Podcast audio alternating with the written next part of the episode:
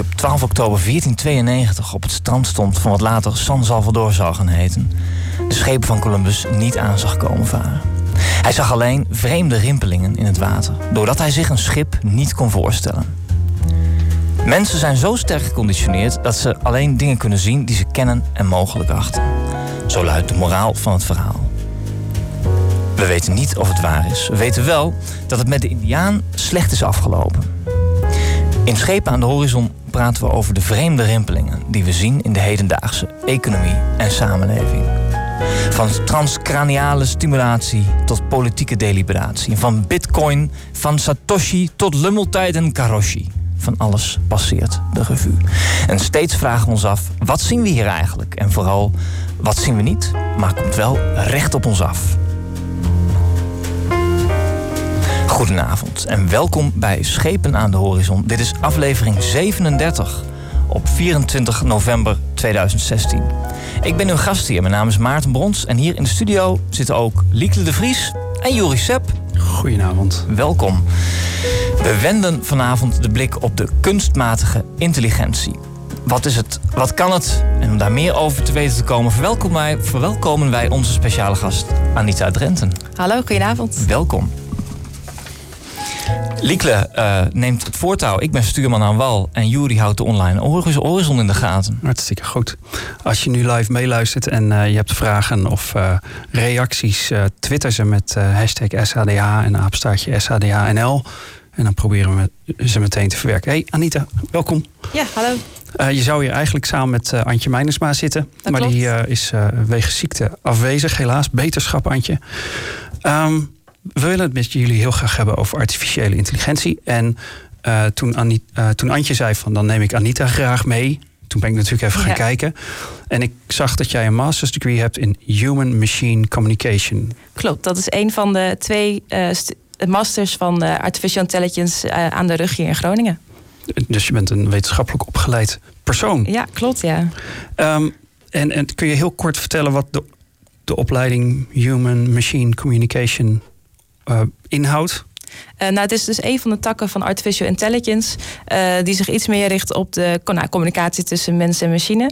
Dus meer de ergonomiekant van apparaten. Hoe, hoe moet een computer interface werken dat wij het fijn vinden om ermee te werken? Maar dat is maar een klein gedeelte. Het grootste gedeelte is vooral dat we um, mensen proberen te modelleren en proberen te be begrijpen. Mensen proberen te modelleren. Dat ja, vinden dat mensen vast niet leuk. Ja. Geef eens een voorbeeld. Uh, een voorbeeld uh, dat je bijvoorbeeld uh, het geheugen van mensen wil proberen na te maken. En dat je dat dan vervolgens test met hoe een mens geheugentesten testen maakt. Dat je kan testen of jouw geheugenmodel klopt met uh, hoe de mens het werkelijk zelf is. Is dat ook niet dan de, de Turing-test? Of lijkt hij daar dan niet op? Ja, uh, nou, de Turing-test is uh, dat je een mens probeert te foppen. Dus dat je een, een, mens met een computer laat praten. En dat hij dan het gevoel krijgt dat hij met een mens praat. Als je dat lukt, dan heb je de Turing-test uh, succesvol okay, okay. volbracht. Ja. En dan heb je het goed gemodelleerd, zeg maar. Ja, dan heb je het heel goed gemodelleerd. Okay. Ja, klopt. Hey, um, en dan, je zei het is een van de twee opleidingen op het gebied van artificiële intelligentie. Klopt, ja. En waar gaat die andere dan over? Uh, nou, die andere die heet de master ook echt artificial intelligence ook zelf. En uh, die gaat iets meer in de richting van de um, algoritmes. Dus echt de die-hard algoritme tak. Dus dan ben je iets meer uh, hard aan het programmeren en iets minder aan het, uh, naar het optimaliseren van alle systemen, hoe, hoe ze leren, en iets minder bezig met de menselijke psychologie kant van het verhaal. Oké. Okay. Is heel kort door de bocht natuurlijk. Maar... Ja, ja, uiteraard, uiteraard. Menselijke psychologie en menselijke ergonomie, dat zijn uh, hele ouderwetse takken van sport, denk ik. Hè? Klopt, ja. Dat is niet nieuw. Dus daar zijn we al heel lang mee bezig. Alleen we hebben het nog niet zo lang uh, geleden bedacht dat het handig is om dat ook toe te passen op apparaten. Klopt. Computers. De, de studie zelf bestaat ook nog niet per se heel lang. Maar het is dus wel een combinatie van heel veel vakken van psychologie, filosofie, informatica. En die combinatie is juist wat het zo belangrijk en bijzonder maakt. Te, te, dus terwijl inderdaad de onderliggende uh, principes al langer bestaan. Ja. Oké. Okay. Ja. Ben, ben je dan ook zo'n ontzettende kraakheldere denker? Nou, niet per se natuurlijk, maar het is wel een beta-studie. Dus we zijn wel technisch uh, in denken en uh, in doen. Maar juist die menselijke kant is ook wat veel mensen aanspreekt. En nou ja, waardoor ook meer vrouwen bijvoorbeeld de studie gaan doen. Ja. Dus, is dat opvallend veel meer dan bij andere beta-studies? Um, ja, en er worden steeds meer, ja. Klopt. Maar het is ook omdat de bekendheid natuurlijk steeds meer groter wordt voor wat de studie eigenlijk precies is. Maar ook die menselijke kant. Zijn toch, en een, een of andere manier vinden vrouwen dat dan toch fijn. dat, dat wou ik inderdaad vragen. Wat is dat dan voor feminine factor die zo'n zo'n aantrekkingskracht uitoefent op, of andersom eigenlijk? Nou, het is denk ik meer dat uh, um, veel vrouwen niet voor een diehard 100% technische studie kiezen. En dat is natuurlijk heel zonde, heel jammer. Maar dat dit dan een manier is om toch een technische studie te doen zonder dat je er helemaal all the way voor gaat. Dus een beetje zo'n mooie tussenweg tussen, ja, wat zal ik doen? Psychologie, informatica. En dan, nou ja, is dit de perfecte combinatie. laten we de toekomst gaan uh, maken. Ja. Hey, Jij werkt bij Alledaags. Klopt. Uh, wat een ontzettend leuk bedrijf hier in Groningen is. Maar die maken toch mobiele apps? Uh. Ja, uh, daar zijn we inderdaad mee begonnen. In 2011 ze hebben we ons vooral gericht op mobiele apps. En we gaan steeds meer richting slimmere technieken inzetten. Zoals artificial intelligence. De, nou ja, er wordt steeds meer verwacht natuurlijk vanuit de, de, wat er allemaal gebruikt wordt in de techniek tegenwoordig. Dus alle klanten willen natuurlijk steeds meer. En wij willen ook steeds meer slimmere producten maken.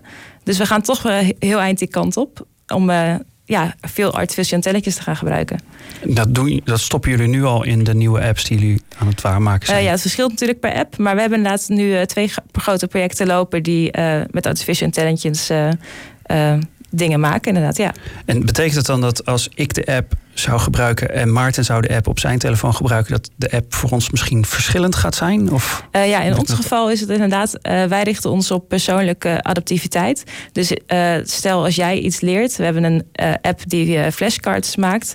Uh, de, die jou helpt flashcards te leren. En die probeert te, um, te modelleren wanneer jij bepaalde dingen vergeet. Dus op dat moment herhaal je dan dat feitje nog een keer. Dus dat is heel persoonlijk op jou samengesteld. Dus het kan best zijn als jij een Frans woordje heel moeilijk vindt, dat jij hem tien keer krijgt om te oefenen. Terwijl uh, Maarten hem maar uh, twee keer krijgt, omdat hij dat woord heel goed kent omdat de artificiële intelligentie in de app daar gevoelig voor is. Klopt, die, die ziet waar je slecht en goed in bent dus en die probeert een, aan te passen. Niet een recht toe, recht aan algoritme wat turft of zo. Nee, nee, precies. Dus dat gaat een stuk dieper. Okay. Ja. Volgens mij gaat dat heel vreemd aanvoelen op termijn. Als, als we het gevoel krijgen dat. Misschien moeten we daar straks nog wat uitgebreider bij stilstaan. Nou, licht, licht is toe. Nou, hoe gaat het aanvoelen voor ons? Als we zo'n uh, interactie en relatie met onze uh, devices gaan hebben, of eigenlijk met de software in die devices, maar ik kan me voorstellen dat mijn iPhone heel anders gaat aanvoelen als die mij, om het maar zo te zeggen, heel goed gaat leren kennen. Ja, klopt. Hij weet ineens heel veel van jou. We weten precies waar je goed en slecht in bent en uh, hoe we op jou moeten inspelen om je bepaalde dingen te laten doen. Dus dat, is, uh, dat klopt, dat kan wel heel anders worden. En dan zeg jij nu nog we weten, maar voor mij voelt het dan alsof dat ding dat weet. Ja. Want jullie zitten daar voor mijn beleving niet achter. Nee, precies. Nou, we, ik bedoel inderdaad de techniek in je telefoon en elk bedrijf die daar dan weer achter zit. Google bijvoorbeeld weet ontzettend veel van je. Dus uh, nou ja, hij gaat steeds meer van je weten. Dus het, ja, het wordt wel persoonlijker en fijner. Maar het is ook inderdaad een beetje creepy. Zou je dan straks ook een datingplatform krijgen? Ja, dat zou best mooi zijn. Nou ja, ja, ja, dat is wat we het beste doen, toch? Mensen aan elkaar koppelen. Ja. Niemand kent mij zo goed als... kunnen vangen. Ja, Tinder on, uh, on steroids. Ja. Dat is best een goed idee. Tadam. Ja. En dan ook leren van alle blauwtjes die je loopt. En ja, dat zou. Nou ja, dan hoeven we daar de deur niet meer vooruit. Um, is er een, uh, een handige definitie van artificiële intelligentie? Goh, uh, nee, er zijn heel veel verschillende definities. En ook omdat er. Het is zo ontzettend breed. Het is echt een heel breed vakgebied. Maar het gaat er uiteindelijk om dat je een machine intelligent wil maken. Dat is natuurlijk de, de basis. En, uh, maar er zijn natuurlijk heel veel verschillende manieren om dat te doen. En verschillende smaakjes daarin. Sommige mensen willen dat de machine precies zo, zich zo gedraagt als de mens. Terwijl andere mensen willen dat die misschien beter of anders dan de mens beoordeelt. Dat je, want mensen maken fouten. Mhm. Misschien kan de machine foutloos zijn. Dat soort dingen. Dus het, uh, er zitten behoorlijk wat smaakjes in hoe je het zou kunnen definiëren. Hebben jullie bij Alledaags een favoriete definitie of, of omschrijving die je hanteert? Ehm, nou ja, wij noemen het meer slimme, gebruik maken van slimme techniek. En het maakt eigenlijk niet uit uh, hoe je dat of wat je precies inzet. Dat gaat uiteindelijk om het doel wat je wil bereiken.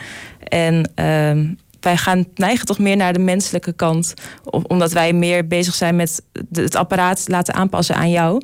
Dus wij willen weten hoe de mens werkt. Dus wij neigen meer naar die kant.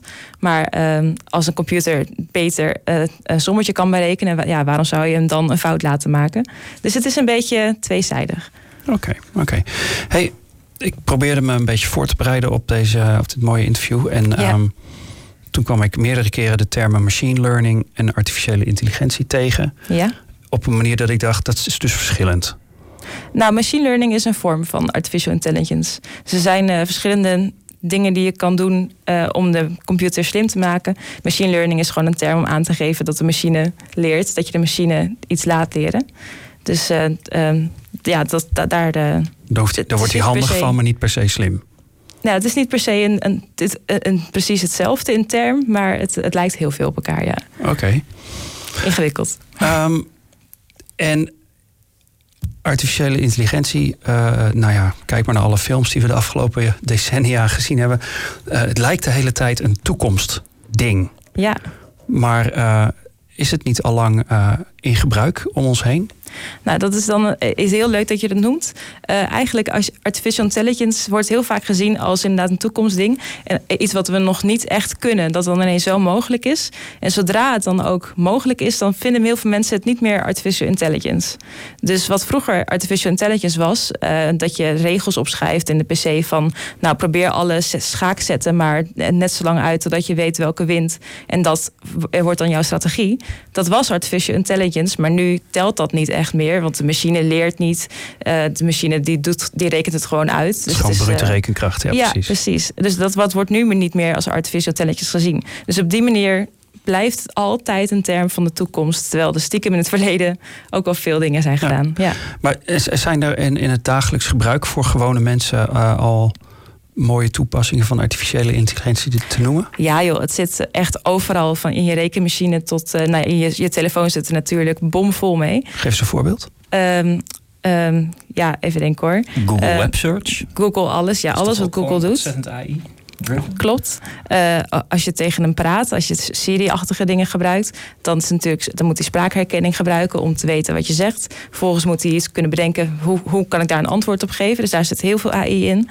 Um, maar ook uh, je spam van je e-mailbox bijvoorbeeld. Wanneer is het wel of geen spam? Dat wordt ook automatisch door een AI besloten. Dus ja, je kan het zo gek niet bedenken. Alles is AI. Ja. Oké, okay, klinkt al een beetje verontrustend bijna. Is het dan... We hebben, we hebben het niet door. Het is al overal. Juist, daar ja. wou ik heen. Dat, dat, dat transparante, of eigenlijk intransparant. En je raakt er dus, daarom zeg ik ook, van, mensen raken er nu al gewend aan dat AI er is. Dus daarom wordt de vraag naar AI ook steeds groter. Want als je nu een, een soort serie maakt die niet slim is, dan zegt iedereen van ja, wat moet ik ermee? Dus uh, we kunnen toch al veel meer dan dat. Dus mensen die zijn gewend aan dat alles slim is en op, op jou aanpast. Zoals een thermostaat die als die niet weet wanneer jij, wanneer jij naar buiten gaat, ja, dan hoef ik die thermostaat al niet meer. Als een thermostaat moet kunnen weten wanneer ik vertrek en uh, automatisch uh, de temperatuur naar beneden moet kunnen doen. Dus, Heb je nou je ja. eigen huis ook vol zitten met nee, smart? Nog niet, Smartness? maar uh, ik ben er wel echt mee bezig om dat te gaan doen, ja. Dit is Schepen aan de Horizon, post-industriële chronieken voor nieuwsgierige geesten. Ik ben uw gastheer Maarten Brons en vanavond praten we over kunstmatige intelligentie met Anita Drenten. Tweet gerust met ons mee met de hashtag SADH en op onze website sadh.nl staan ook onze vorige afleveringen. En die zijn ook gratis beschikbaar in de iTunes Store bij de podcasts. Schepen aan de Horizon beleeft alweer een vierde jaar. Ze willen uitbreiden en daarvoor hebben wij vacatures. Voel jij je verbonden met ons en wil je graag een bijdrage leveren? Neem dan contact op. Zie onze website sadh.nl of trek ons aan de mouw op Twitter, sadhnl. We gaan uh, door met het volgende onderdeel. Ik geef het woord aan Liekle. Ja, Anita. Ja. Um, is artificiële intelligentie één ding of zijn er verschillende smaakjes artificiële intelligentie? Uh, er zijn verschillende smaakjes, ja zeker. Um, de belangrijkste takkenverschil die je hebt is um, um, dat je general AI hebt. Dat betekent dat het AI eigenlijk alles moet kunnen wat een mens ook kan. En zelfs misschien wel beter. Dus inclusief dingen kunnen zien, dingen kunnen waarnemen, dus uh, dingen kunnen zeggen, dingen kunnen leren, creativiteit, alles. En uh, de andere tak is narrow AI. Dus dat is, betekent dus op een klein gebied. Dus dat zijn alle dingen die je overal nu om je, om je heen ziet.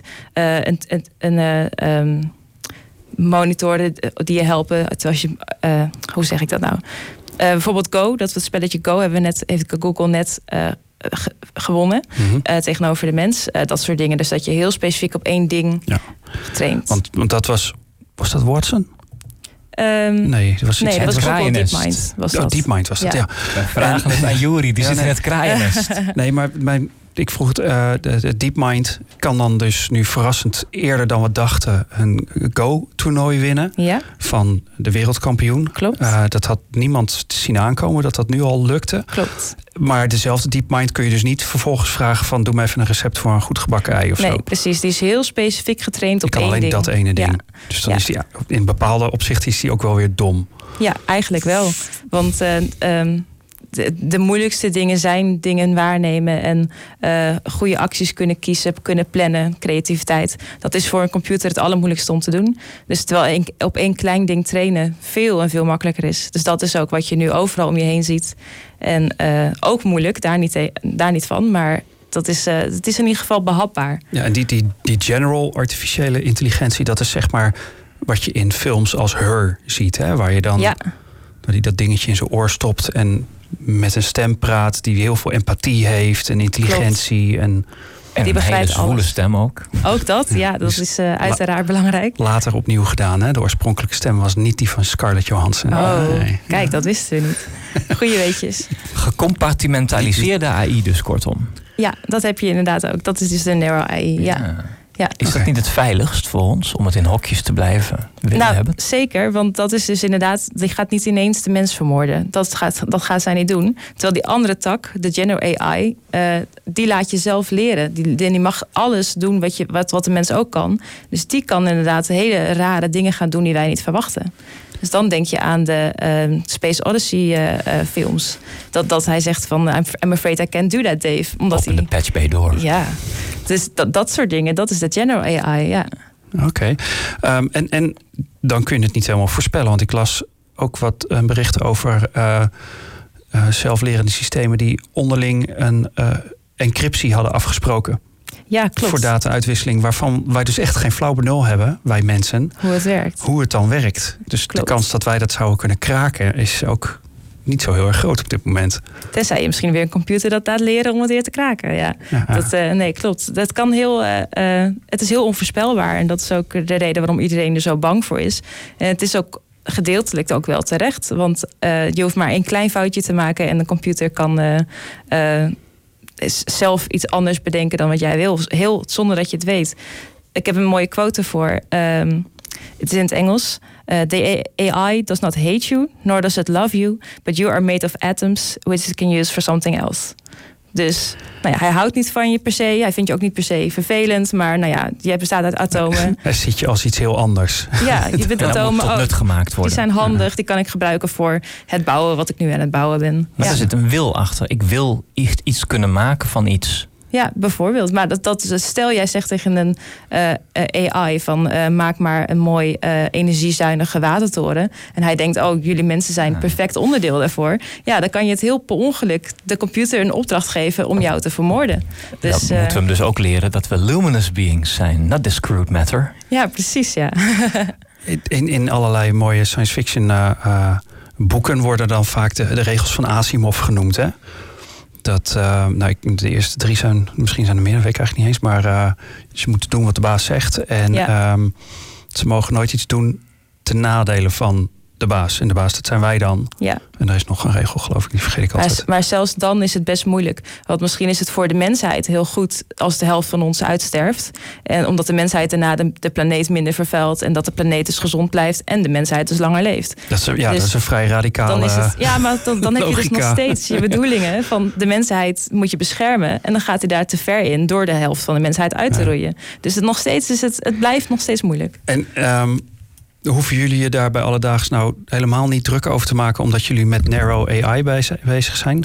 Of Eh. speelt dit nu dan toch wel een beetje mee van ah, hoe gaan we dit nou netjes oplossen voor onze gebruikers? Nee, wij eh, ge- gebruiken inderdaad nog steeds gewoon Narrow AI. De eh, General AI, om dat te maken, dat is er nu ook nog niet. En dat is er wel op hele kleine schaal. We kunnen bijvoorbeeld een, ik geloof een mier, kunnen we nu simuleren uit, mijn hoofd. Eh, maar die heeft 302, eh, nou misschien is het als een ander dier, maar eh, iets, iets een heel klein beestje met eh, 302 neuronen kunnen we precies nu namaken op General AI vlak. En ehm, dat, dat is dus nog lang niet zo ver dat we daar iets goeds en iets moois van kunnen maken. Dus tot nu toe in het bedrijfsleven werkt iedereen nog met Narrow AI. Ja. Oké. En hoe werkt dat dan? Want ik, ik lees dit en Ja. eh, ik lees me in en ik kom termen tegen zoals neural net en, en deep learning. Nou, deep mind, dat heet waarschijnlijk. Dat is die naam is Google. waarschijnlijk daarom Ja. zo gekozen. Waar die naam van Watson dan aan refereert, dat, dat weet ik even niet. Elementary, my dear Watson. Ja, zou dat het zijn? Ehm, kun je voor de leek een beetje de, het mechanisme uitleggen van hoe een artificiële intelligentie werkt? Ja, eh, het is best ingewikkeld, maar ik kan proberen een beetje op globale lijnen uit te leggen. Graag, dan hou, hou ik het ook nog bij. Ja, er zijn eh, wat verschillende soorten in ook. Er zijn natuurlijk mensen proberen van allerlei verschillende manieren om het voor elkaar te krijgen. Eh, een van de eerste takken is dat je kijkt naar hoe wij mensen leren. Dat, dat wil je misschien proberen na te maken. Dus je kijkt naar het brein. Dus je kan daar eh, inspiratie uit opdoen. En dan kom je bij neural networks, dus een netwerk van neuronen, net als ons eigen brein. Dat probeer je dan in de computer eh, na te maken. En probeer je slimme dingen te leren. Dus dat probeer je heel erg op, op hoe wij ook leren de computer ook te leren. En, en is dat dan ook fysiek een neural network? Of is dat toch gewoon allemaal de bitjes en bytes op je harde schijf? Ja, het zijn bitjes en bytes op een harde schijf. Oké, En eh ehm, fysiek een neuraal netwerk gebeurt ook, maar dan ehm, ehm, ook wel op een harde schijf. Maar dat je, er, is een, er is een stap verder die zegt van ik ga de hersenen laag voor laag helemaal kopiëren van een mens. Dus dat is wat ik net zei, dat is gelukt met 302 neuronen om compleet hersenen helemaal na te maken. Maar goed, voor de mensen zijn het eh 100 biljoen. Dus Ja, dan dus het eh, schaalt nog even moeten we niet. nog even een stuk, stapje verder. Dus nou, dat is een van de dingen. datacentra zijn dat? Als we die Ja. 100 biljoen allemaal willen Genoeg. Genoeg. Dus daar zijn we nog niet. Maar goed, de tijd gaat. We kunnen wel exponentiële groei verwachten. Dus je bent er zo. Dat is natuurlijk wel eh, weer te zeggen. Maar dat is dus een van de manieren. Dat je kijkt naar de hersenen. Je probeert dan eh, de hersenen na te maken. En je geeft ze input, zoals een, eh, een paar voorbeelden. En als output krijg je, of nou, het, ja, het is een persoon. Nee, het is een hond. Dat soort dingen. Eh, de andere kant is dat je gaat kijken van nou, hoe leren wij mensen over de tijd. Dus wij zijn eh, genetisch, zeg maar, genetische algoritmes heet dat. Dus dat je zegt van je bent, als je succesvol bent, dan mag je door naar de volgende generatie. Dus het is een beetje heel technisch, maar ehm, dat, is, dat is het survival of the fittest ja, model, dat zeg maar. Ja. Dus dan heb je ook eh, meerdere AI's die tegen elkaar strijden. Allebei hebben ze dezelfde opdracht. Bijvoorbeeld eh, als je een robot hebt dat je zo snel mogelijk moet kunnen rennen. En degene die, eh, die dat zo snel mogelijk kunnen, die mogen door naar de volgende ronde. Die krijgen een paar kleine genetische manipulaties, net als in evolutie ook gebeurt. En dan eh, krijg je uiteindelijk een steeds beter lopende robot. En eh, soms ineens een hele grote speurten stappen dat die beter wordt. En omdat je ineens een heel leuk mutatie in een gen hebt gehad die toevallig heel voordelig was. En je gebruikt het woord gen dan ook overdrachtelijk nu. Hè? We hebben het nog steeds Ja. weer over software. Ja, het gaat nog steeds over software, Ja. ja. Maar de, je gebruikt wel diezelfde principes die je dus ook in de wereld hier om ons heen ziet. Van hoe eh, eh, evolutie en probeert dat dan op computer los te laten. Ja. Oké. Is dat niet veel te beperkt om ons, om ons te beperken tot dingen nabouwen die er al zijn? Dingen te simuleren of te emuleren of te imiteren? Ja, tuurlijk. Want het, het is alsof je zegt dat een vliegtuig flapperende vleugels moet hebben. Inderdaad. Dus, eh, Da Vinci-stijl. ja, op een gegeven moment denk je, hey, zo voor de computer, die leert misschien veel beter op een andere manier. Klopt. Dus dat is natuurlijk altijd heel ingewikkeld. Maar je kan best wel veel leren uit hoe wij leren, uiteraard. Er was een mooie tv-serie een paar jaar terug de, van de VPRO. Dat willen wij ook. En in elke aflevering, ik kijk even naar Jury, die kan het vast rondtoeteren in het kraaiennest. In elke aflevering was een andere specialist die probeerde te leren van de natuur en dat dan ja, na te bouwen of, of te verbeteren. Zoals de, de, de, de, de vingers van een gekko met de Van der Waalskrachten. Oh ja, precies. Superleuk. Nou, en er is nog een laatste, als ik, kan ik nog even zeggen. Er is nog een laatste vorm, wat uh, natuurlijk een beetje heel ver gaat. Is, en dat is dat je de computer zelf zichzelf laat programmeren. Dus dat je, uh, weet je, wij kunnen AI uh, maken of proberen te, te programmeren, maar waarom kan die niet gewoon zichzelf verbeteren? Zelf onderzoek doen naar AI en zelf zichzelf verbeteren met hoe kan ik beter leren. Maar daar heeft hij toch ook um, een, een basisset software en wat, wat regeltjes voor nodig. Wat, waar zijn die dan op gebaseerd? Ja, die, dat is inderdaad wat we zelf maken, waarvan je zegt van nou, dat zijn misschien die basisregels wel van wat wil je bereiken, wat is het doel van de AI. En in dit geval geef je die AI mee dat het doel is dat hij zichzelf slimmer moet maken. Maar goed, als het heel simpel was, bestond het al. Dus het is, uh, het is inderdaad een stuk lastiger dan dat. Nou ja, als het heel simpel was, um, we zaten net vooraf al even te kletsen. Heel veel van dit soort technologische ontwikkelingen blijkt, als je er wat langer eh, naar, naar kijkt, al decennia oud te zijn in, in, de, in de ideeën. Maar nu pas uh, meters te kunnen maken, omdat nu pas de, bijvoorbeeld de rekenkracht er is en de, de opslagmogelijkheden en de data uh, manipulatiemogelijkheden. Dus um, nou ja, zo nieuw is het misschien wel helemaal niet. Er was toch al een monnik uh, in de late middeleeuwen die een mandelbrot had getekend en daar jaren over had gedaan? Dat zal, ja. Ah, dat weet ik niet. Dat zou kunnen. We kijken weer naar het geheimnest. Jury, doet er rond. Ja, en het is natuurlijk van alle tijden dat de filosofen probeerden de wereld te begrijpen. En dachten van kunnen we dat niet in regels of in machines vatten? Ja, zeker. Hey, en als zo'n zo'n software, zo'n neuraal net zichzelf steeds gaat weten, dan is jouw vak straks niet meer nodig. Hè? Dan hoeven mensen niet meer te coderen. Het ambacht van code schrijven verdwijnt dan. Ja, dat zou je denken. Maar ik denk dat er toch altijd nog wel weer nieuwe leuke dingen uh, te bedenken zijn. En uh, ik denk dat nou ja, als wij echt niet meer nodig zijn, dan zijn heel veel andere vakken ook niet meer nodig. Dus dan zijn we misschien met z'n allen super gelukkig en hoeft niemand meer te werken. En uh, dat, dat kan het einde zijn natuurlijk. Ja. En uh, dan sluit ik me daar wel bij aan. Waarom maar, kiezen? ja, precies. Ik, meer vrije tijd. Ja, dat programmeren nog wel vrij. Een van de langste blijft nog bestaan, omdat je steeds meer en steeds beter wil. We, we gaan zo naar een derde deel. Um, ik, ik schiet me nog één ding te binnen. Dat, uh, we hadden het over het Go-toernooi, wat gewonnen werd door DeepMind. Ja. En um, uh, ik, ik ben geen ervaren Go-speler. Maar ik begreep uit de verslagen dat um, de zet waarmee dan uiteindelijk de winst werd ingezet. er eentje was waar eigenlijk alle ervaren Go-spelers van zeiden: huh? Wat is dat nou voor een zet? We gaan ook een heel nieuw soort creativiteit zien, denk ik, of niet? Ja, in creativiteit gebeurt er nu heel veel met AI. Uh, de computer die uh, hele mooie schilderijen maakt, bijvoorbeeld, of muziek compenseert, wat we, wat we net zeiden.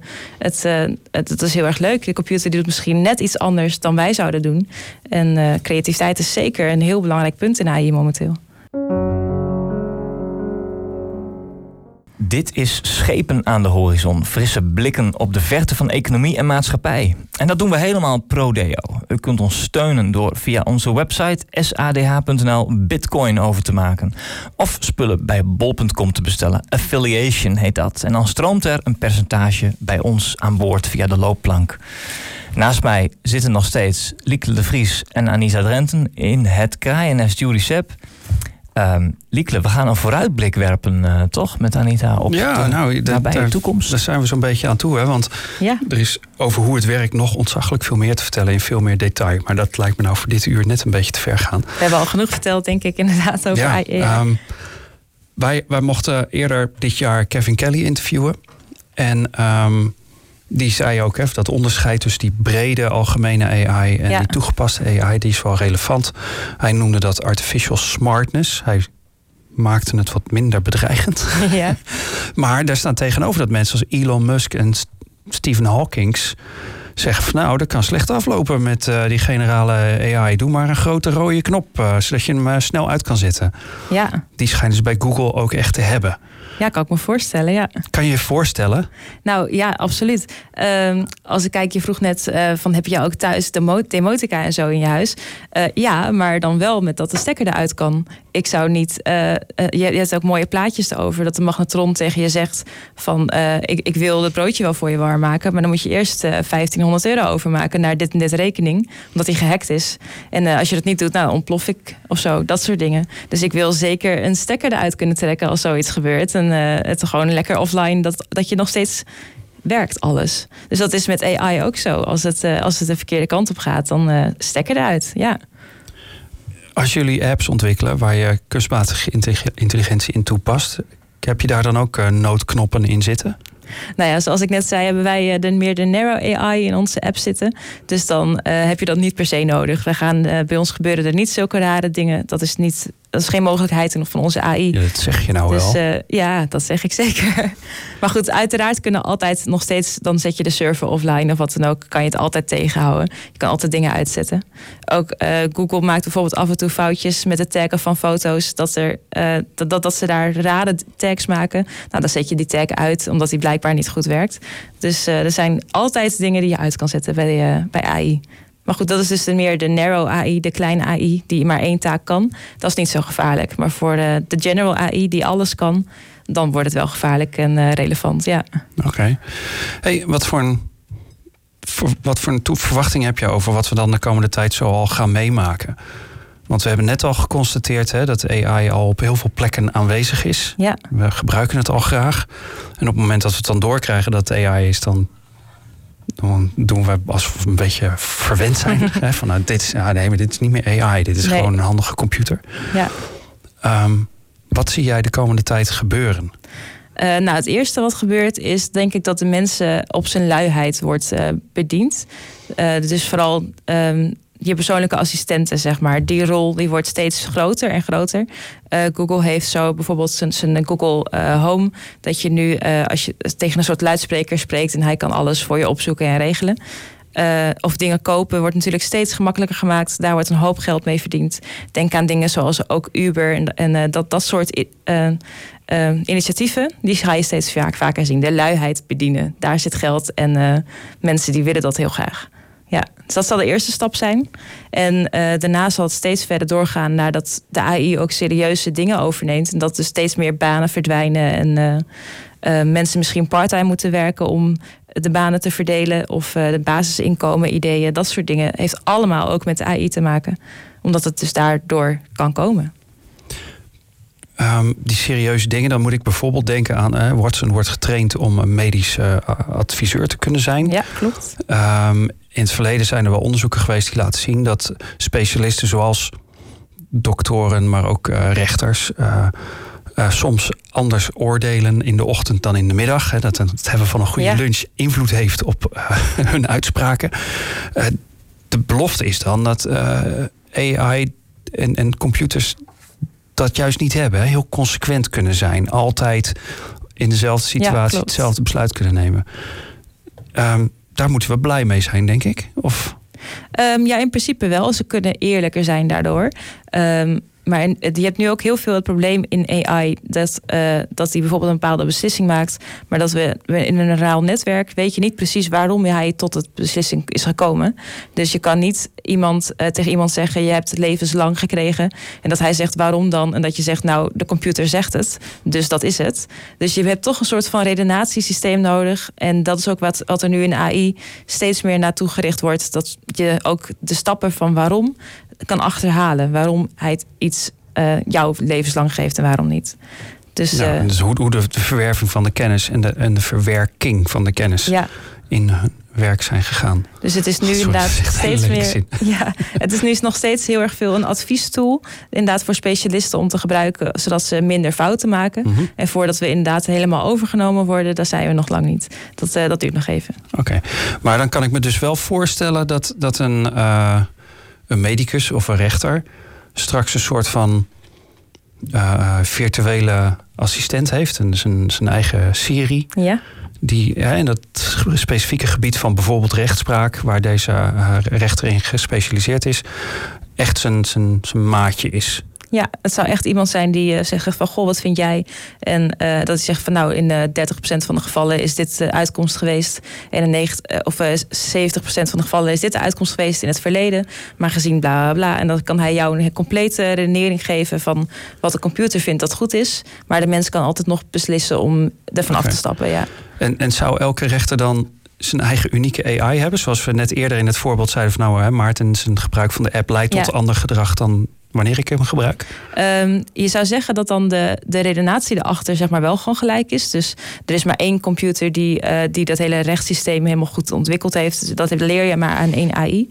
Maar het zou best kunnen dat de interface, dus degene mhm. die met jou praat, dat die persoonlijk is. Dus dat je bijvoorbeeld, uh, stel je houdt meer van dingen lezen, dat hij het jou schriftelijk toont. Terwijl uh, voor. voor verwijzingen naar Shakespeare erin, omdat ja, je weet dat je, je literair gevormd bent. Ja, precies. Of jij houdt meer van inderdaad meer achtergrondinformatie, dan geeft hij jou meer achtergrondinformatie. Ja. Dus hij kan dat wel, hoe hij het je vertelt, kan wel persoonlijk worden, ja. Oké. En daarna? Ja, daarna, kijk, dan wordt het gissen en dan uh, wordt het spannender. Um, als je echt helemaal naar het einde kijkt, dan uh, wordt inderdaad gezegd dat het of wij, wij uitsterven, omdat, we, omdat het echt een van de grootste uh, wisselingen is in, die er gaat zijn. Dat, dat, er, dat ze, nou ja, uh, bijvoorbeeld kiezen van nou, de mensheid mag wel van de planeet af, want dan blijft de planeet gezond. Uh, en de andere kant is inderdaad dat ze uh, alles overnemen en meer ons tot dienst zijn. Dat ze een soort van hulpje zijn en dat jij als mens zijn alleen nog maar bezig hoeft te houden met dingen die je leuk vindt. Aha, dat dus, zien we ook in de Zweedse serie Ekta Människor. Oftewel Real Humans. Ja. En ik zet mij dus af te vragen, ik, terwijl ik die serie al keek, vroeg ik me al af, hoe zou het nou zijn als ik een soort persoonlijke huishoudhubot had? Ja. En wat voor relatie ontwikkel je dan met zo'n artilect? Ja, het kan best zijn als het eh, echt heel erg veel op mensen lijkt, dat, dat je het verschil niet meer kan zien, bijvoorbeeld. Het zou best kunnen. Maar uh, ik hoop het niet. Ik hoop dat het nog steeds in een van een grote rode stip op mijn voorhoofd komt of zo. Ik zou het al fijn vinden om te weten of iemand echt is of niet. Ja, de suggestie van films als Her is natuurlijk ook dat Um, het hoeft lang niet altijd een fysieke verschijningsvorm te krijgen. Nee. Dat merk je nu al aan, aan hoe sommige mensen praten over assistenten in apparaten, zoals Siri en uh, ja. Google Home, die je net noemde. En, uh, Ik hoorde je ook al iemand zeggen. Amazon Echo. Ja. Dat, um, dat zeg je dat tegen iemand. Die krijgen kennelijk wel een identiteit, maar die hoeven geen fysieke vorm te hebben. Nee, klopt. AI is echt om, de, om het brein, inderdaad, om de software. En draait helemaal niet om de hardware. Of het nou een robot is of een eh, stemmetje in de telefoon, dat is allemaal hetzelfde, ja. Straks is alles bezeten. Ja. Ga je daar affectie voor ontwikkelen? Ja, dat zou zeker kunnen, ja. Ga je op, op, op, op zoiets gesteld raken? Ja. Hoe ziet dat eruit? Ja, dan moet je de film Heur gaan bekijken. een echte ja, dat, dat, is de grap. Het hoeft er dus niet uit te zien. Het hoeft alleen maar te werken. Het, hoeft, het moet jou bereiken op de een of andere manier, maar dan is spraak al voldoende. Ja, nou, het, is natuurlijk niet alleen maar spraak. Als het alleen maar is dat je tegen hem zegt: uh, Google lamp uit, dan krijg je nooit een persoonlijke relatie. Maar uh, als, als je echt persoonlijk toestaat, bijstaat en ook creativiteit toont en passie en emotie, dan wordt het een heel ander verhaal. Dan, daar zijn wij mensen gevoelig voor. Dus dan krijg je inderdaad een relatie met een AI. Ja. Nou, er zijn nu ook al mensen met relaties met een auto, hè, dus wat dat betreft. ja. Nou, ik moet zeggen. Of een spijkerbroek, ja. Andere voorbeelden. ik, ik, ben geneigd om altijd de, de, de positieve rooskleurige kant van dit soort dingen te zien. En dan gefascineerd te zijn uh, door science fiction films waar de zwarte kant uh, uitgebeeld wordt. Ja. Uh, maar op dit moment hoor ik links en rechts ook best wel heel veel mensen een beetje mopperen en zich druk maken over ja, maar hoe zit het dan met de privacy van de data. Hè? Dan nog even terug naar de app die mhm. jullie gemaakt hebben. Uh, um, dankzij de artificiële intelligentie uh, geeft die Maarten uh, precies wat Maarten nodig heeft en mij precies wat, wat ik nodig heb. Ja. Um, maar ja, kan dat niet nog tot akelige andere gevolgen leiden als artificiële intelligentie nou, jou op een gegeven moment zo goed leert kennen? Zeker. Uh, dat is ook een van de. Ik ga even een uitstapje maken, maar dat is een van de redenen waarom de. Um, um, zelfrijdende auto's nog niet bestaan, is dat, dat een, auto moet bepalen. Uh, stel van, nou ja, we hebben een dodelijk ongeluk, hoe dan ook. Uh, moet ik nou die persoon aanrijden die, die op het wandelpad loopt? Of moet ik mezelf in een, tegen een boom aanrijden en de persoon in de auto vermoorden? Het zijn allebei personen, allebei evenveel waard. Maar stel als die auto ook weet dat jij een gezonde sporter bent en die ander uh, een alcoholist. Zou hij die informatie kunnen gebruiken en kunnen zeggen: Nou, een sportersleven is meer waard dan alcohol, alcoholist zijn leven. Dat soort dingen. Dus dan wordt het heel gevaarlijk wat een AI van jou weet. Want als hij denkt van: Oh, jij bent dom en jij bent slim. Nou, en daar, op basis daarvan maakt hij zo'n keuze. Of jij bent sportief, of jij bent maar een dier, of wat, wat dan ook. Je kan het zo gek niet bedenken. En hij kan het een reden vinden waarom hij de ene bespaart en de ander niet. Dus dat zijn. Uh, eigenlijk is alle informatie over je heel belangrijk en uh, gevaarlijk om uh, in die zin aan een AI te geven. Ja. En toch bouw jij apps waar AI in zit. Ja, kijk, het verschil is um, uh, onze app daarin. Uh, kijk, wij weten hoe goed je bent in bepaalde flashcards, dus welke je wel en niet moet leren. Maar wij uh, geven die informatie van nou ja, hoe goed je bent of hoe slim je bent niet verder door aan derden of, of aan een zelfrijdende auto. Dus wij maken die link niet. Dus pas als je die link maakt, wordt het gevaarlijk. Maar als je data van jou blijft en niemand verder erbij kan, dan is, kan het geen kwaad. Of als een. Als, ja, als, als het zo werkt, ja. ik moet jouw ja. woord er nu op, uh, op geloven dat je het zo geprogrammeerd hebt. Ja, zeker. Want als een Facebook nieuwsfilter uh, uiteindelijk de presidentsverkiezingen uh, uitslag beïnvloedt. Ja. En iedereen blijft bij hoog en bij laag volhouden. Nee, nee, nee, dat hebben we zo geprogrammeerd hoor. Komt er dan ook niet een soort integriteitscertificaat? Hebben we dat dan straks nodig? Um, ja, misschien wel. Ik zou het niet weten. Ja, misschien wel. Het, het is een interessante vraag, omdat je um, je antwoord is, is in de ogen van sommigen een beetje lui antwoord. Misschien van ja, dan maken we het gewoon anders en dan kan het niet misgaan. Of dan trekken we de stekker eruit. Ja. Maar het is natuurlijk snel genoeg onhandig geprogrammeerd. Of toch nog even gekraakt door een ander. Ja, um, zeker. dat hebben we natuurlijk de afgelopen jaren om ons heen in allerlei andere toepassingen ook wel zien gebeuren. Um, kun je een AI een besef geven van het belang van privacy, denk je? Oeh, dat is een hele moeilijke vraag. Um, ja, misschien wel. Kijk, uh, wij, geven de AI mee uh, wat hij moet doen op een bepaald moment. Dus als wij meegeven dat hij niet mag kijken naar bepaalde data, dan uh, zal hij dat ook niet doen. Dus als, als jij in zijn zelfrijdende auto zegt dat, uh, dat hij niet mag kijken naar de achtergrond van de mensen met wie hij wel of niet moet vermoorden, maar er is een andere regel, zoals dat de, de persoon in de auto belangrijker is bijvoorbeeld, dan, dan houdt hij zich daaraan. Dus dan gaat hij ook helemaal niet op zoek naar dat soort dingen. Dus het, het maakt inderdaad helemaal 100% uit hoe jij die AI programmeert en uh, wat je daarmee doet. Oké. Okay. En ik zit ook nog even te denken, en jij vertelde net dat um, uh, een van de aandachtsgebieden op dit moment voor de serieuze toepassing is ook dat er redenatiesystemen ontstaan, zodat je kunt herleiden ja. hoe een AI ergens toegekomen is. En in een redenatiesysteem kan zoiets natuurlijk een verplicht onderdeel worden. Ja. Of zo. Ja, ik denk dat ik is aan morele alles, waarden te denken. Alles wat software is, dat is te hacken of is ja. anders te programmeren. Je moet ja. dat mensen veel... natuurlijk ook. Dat hebben we. Dat de, denken we altijd Mensen zijn over het algemeen nog makkelijker inderdaad. Wij zijn nog hacken. makkelijker te ja. manipuleren. Ja. Ja, ja, als je ziet dat of mensen ergens binnen moeten komen, dan is de mens altijd hetgene wat je, wat je moet uh, proberen om te bereiken. Ja. Als het over security gaat. Als het over security gaat, ja. De mens is de zwakste. Okay. Slechte wachtwoorden, dat soort dingen, ja. Dus uh, hoe, um, uh, hoe zorgt uh, Alledaags er in dit geval voor... dat jullie als developers niet um, manipuleerbaar zijn... door ongewenste partijen? Nou, we hebben natuurlijk gewoon strikte afspraken. Maar los daarvan, kijk, wat wij doen voor AI om dingen veilig te houden, is bijvoorbeeld de data anoniem opslaan. Dat soort dingen. Dus er zijn best wel veel maatregelen die je kan nemen, waardoor mensen niet uh, andere dingen kunnen doen, zelfs als ze de data hebben, dat ze er nog steeds niet heel veel mee kunnen. Dus uh, dat zijn wel dingen waar wij aan werken. En goede, goede wachtwoorden en uh, niet zomaar altijd je computer bij je houden. En, Checks en balances. Ja. Heel veel gedrag. Ja, zeker. We, we naderen het einde van het uur. Uh, Anita, ja. ik wil je van harte danken voor een uh, nou, heel erg informatief uurtje. ja. Mijn hoofd tolt. Er is nog een hoop meer om uit te zoeken, maar ik heb in ieder geval een goed eerste overzicht. Super, dankjewel. dankjewel. Dit is Schepen aan de Horizon, post-industriële chronieken voor nieuwsgierige geest. We sluiten de 37e aflevering af. Reuze bedankt aan onze partners, Oogradio en Warpnet. Volgende maand zijn we er weer. Tot die tijd kun je alles terugvinden online op sadh.nl en natuurlijk gratis in de iTunes Store bij de podcasts. Schepen aan de Horizon wordt gemaakt door Ronald Mulder, Liekle de Vries, Joris Sepp, Marloes Dekker. Mijn naam is Maarten Brons, techniek Ruurtjan de Mulder. Voor nu bedankt en tot de volgende keer.